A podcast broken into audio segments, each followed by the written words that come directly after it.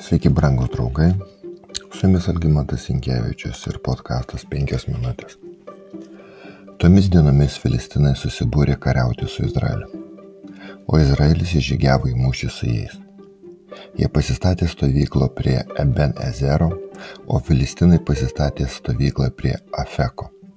Filistinai sustojo kalvos reikiuotien priešais Izraelį. Nuožmiame mūšyje Filistinai nugalėjo Izraelį. Mūšio laukiai užmušė apie 4000 vyrų. Pirmas Samuelio ketvirtas skyrius. Tikrai netokio mūšio rezultato tikėjusi izraelitai. Jie stebėjusi pralaimėjimu ir klausinėjo vienas kitą apie pralaimėjimo priežastis. Sugrįžus kariuomenį į stovyklą Izraelio senūnai klausė, kodėl viešpats paguldė mus šiandien prieš Filistinų.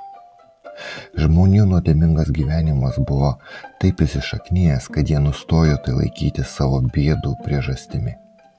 Tada Izraelio valdovai, vadovai, atsiprašau, pasitarė ir nusprendė atsineškime čia viešpatės sandoros skrynį iš Šilojo, kad jis būtų tarp mūsų ir gelbėtų mus iš priešų rankos. Šiai beprotiškai idėjai pritarė Elio sūnus kunigai Hofnis ir Finehasas. Būtent jie nešė sandros skrynę, tikėdamasi, kad ši šventa relikvija suteiks stiprybės Izraelio ginklams. Bet stebuklas neįvyko. Dabar Izraelitų pralaimėjimas buvo dar blogesnis nei anksčiau. Filistinai kovojo, Izraelis buvo nugalėtas, jie visi pabėgo į savo namus. Pralaimėjimas buvo labai didelis, krito 30 tūkstančių Izraelio pėstininkų. Dievo skrinė buvo pagrobta, Ebu Elio sūnus Hofnis ir Finehasas žuvo. Įvyko tai, apie ką viešpas kalbėjo Samueliui. Žiūrėk, aš padarysiu Izraelėje tokį dalyką, nuo kurio apie tai išgirdus kiekvienam spengs abiejose ausyse. Pirmas Samuelio trečias skyrius. Nepralaimėjimas ir ne, ne Elio dviejų sūnų mirtis, bet viešpaties sandoros karinios praradimas tapo Izraelio negarbės simboliu.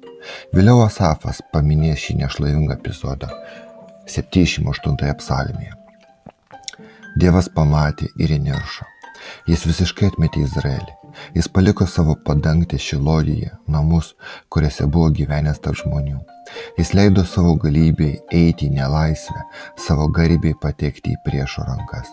Jis atidavė savo tautą kalavijai, įsipyko ant savo paveldo. Ugnis surijo jų jaunolius, o merginos neturėjo už ko tekėti.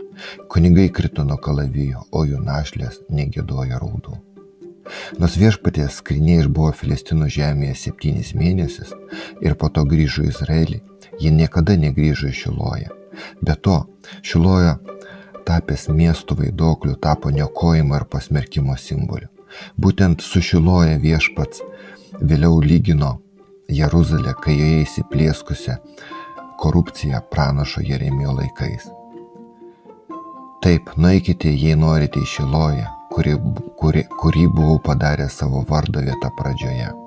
Pasižiūrėkite, ką aš padariau jam už nedorus darbus, kurių pridarė mano tauta Izraelis. Ir dabar, kadangi jūs padarėte visas šias nuodėmės, tai galybių viešpatė žodis, kadangi neklausėte, nors ir kalbėjau jums taip primiktinai, kadangi neatsiliepėte, nors ir šaukiau jūs, su šiais namais, vadinamais mano vardu, o jais jūs pasitikėte ir su vieta, kurią daviau jums ir jūsų tėvams, pasielgsiu taip, kaip sušiloju. Jeremijo 7 skyrius. Panašu, kad tai įvyko per Jeruzalės sunaikinimą 586 metais prieš mūsų erą. Avo mėnesio 9 dieną, kai babiloniečiai apiplėšė ir sudegino Jeruzalės šventyklą. Tačiau iš tikrųjų viešpatė šlovė šventyklą paliko daug anksčiau. Kunigai ir žmonės savo nuodėmėmis ir stabmeldystė tapo priežastimi, dėl kurios Dievo šlovė pasitraukė šventyklos. Dievas davė pranašui Ezechieliui tai pamatyti viename iš regėjimų, kai jis pamatė, kaip viešpatė šlovė pasitraukė nuo namų slengščio ir sustojo viršum kerubų. Kerubai išskleidė sparnus ir palik, pakilo nuo žemės mano akise, išėdami kartu su ratais. Jie sustojo prie viešpatės namų rytinių vartų angos. Viršum jų buvo Izraelio Dievo šlovė. Ezekėjo 10 skyrius.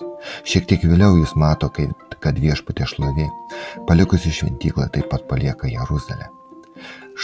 Štai paliekami jums jūsų namai, kaip Jėzus Kristus vėliau pasakys apie antrąją šventyklą. Evangelija pagal Luką 13 skyrius.